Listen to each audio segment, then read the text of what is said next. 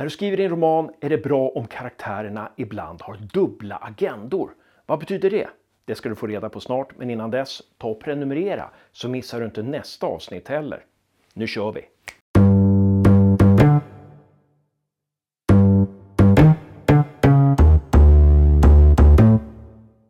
När människor möts är det väldigt viktigt att tänka på vilket projekt de har. Varför är det viktigt? Jo, för det skapar en framåtrörelse i scenen. Läsaren känner att här finns det människor med en vilja och den här viljan gör att det skapas en laddning i scenen. När karaktärer vill saker och ting så är det bra att ta reda på varför de vill det här. Och när vi författare funderar på varför karaktärerna vill just det här projektet, då kommer vi ofta fram till en sak. Men här skulle jag vilja ge ett råd. Låt dem istället ha två orsaker till det här projektet. Låt karaktärerna ha två orsaker till varför de vill just det här, varför de driver just det här projektet. Och låt gärna de här två orsakerna strida lite mot varandra. Det är väldigt intressant om en karaktär vill någonting för att vara kamratlig och samtidigt gör den här saken, vill den här saken för att vara självisk eller för att uppnå någonting för egen del. Till exempel om protagonisten vill hjälpa en kompis att komma ur ett destruktivt förhållande så kan protagonisten låta kompisen bo hos sig och äta protagonistens mat och stötta kompisen med massa positiva tankar och, och teorier. Och protagonisten kan också hjälpa till att dölja att kompisen bor hos protagonisten kanske gentemot den här destruktiva personen som kompisen har varit i förhållande med. Och då är det väldigt spännande om kompisen är så här god, är så här kamrat. Vi kan få reda på deras historik, de har växt upp tillsammans. Men det blir också väldigt spännande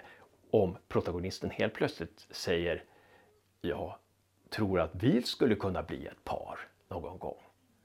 Helt plötsligt så inser vi som läsare att aha, protagonisten har gjort det här för att protagonisten är kär i den här kompisen, kanske.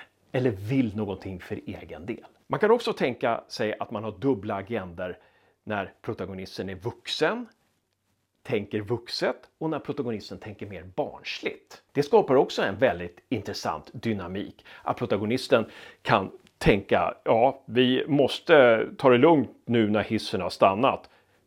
Och sen för att nästa ögonblicket bara skrika, ah, jag klarar inte det här. Nej, jag ber, ber om ursäkt. Eh, vi ska, vi, ska verkligen, vi ska verkligen ta oss samman nu. Så att protagonisten har två sidor.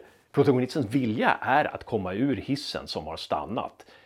Men protagonisten är både vuxen och mogen och impulsiv och barnslig.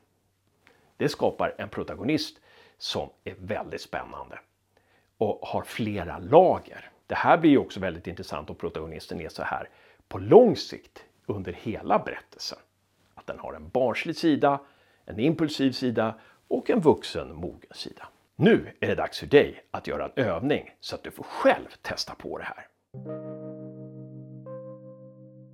Här kommer en dialog mellan en chef och en anställd. Fortsätt på dialogen och låt den anställda vilja hjälpa chefen men samtidigt vilja ha högre lön. Chefens första replik är har du en minut över? Jag sitter lite i klistret.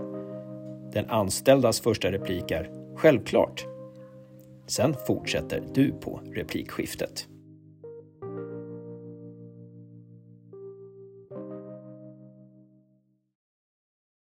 Ja, då har vi pratat om vikten av att karaktärerna har ett projekt och att det här projektet drivs av två olika agender.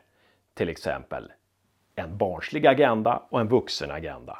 Eller en egoistisk agenda och en omhändertagande agenda.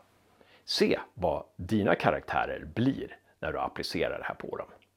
Lycka till med romanen!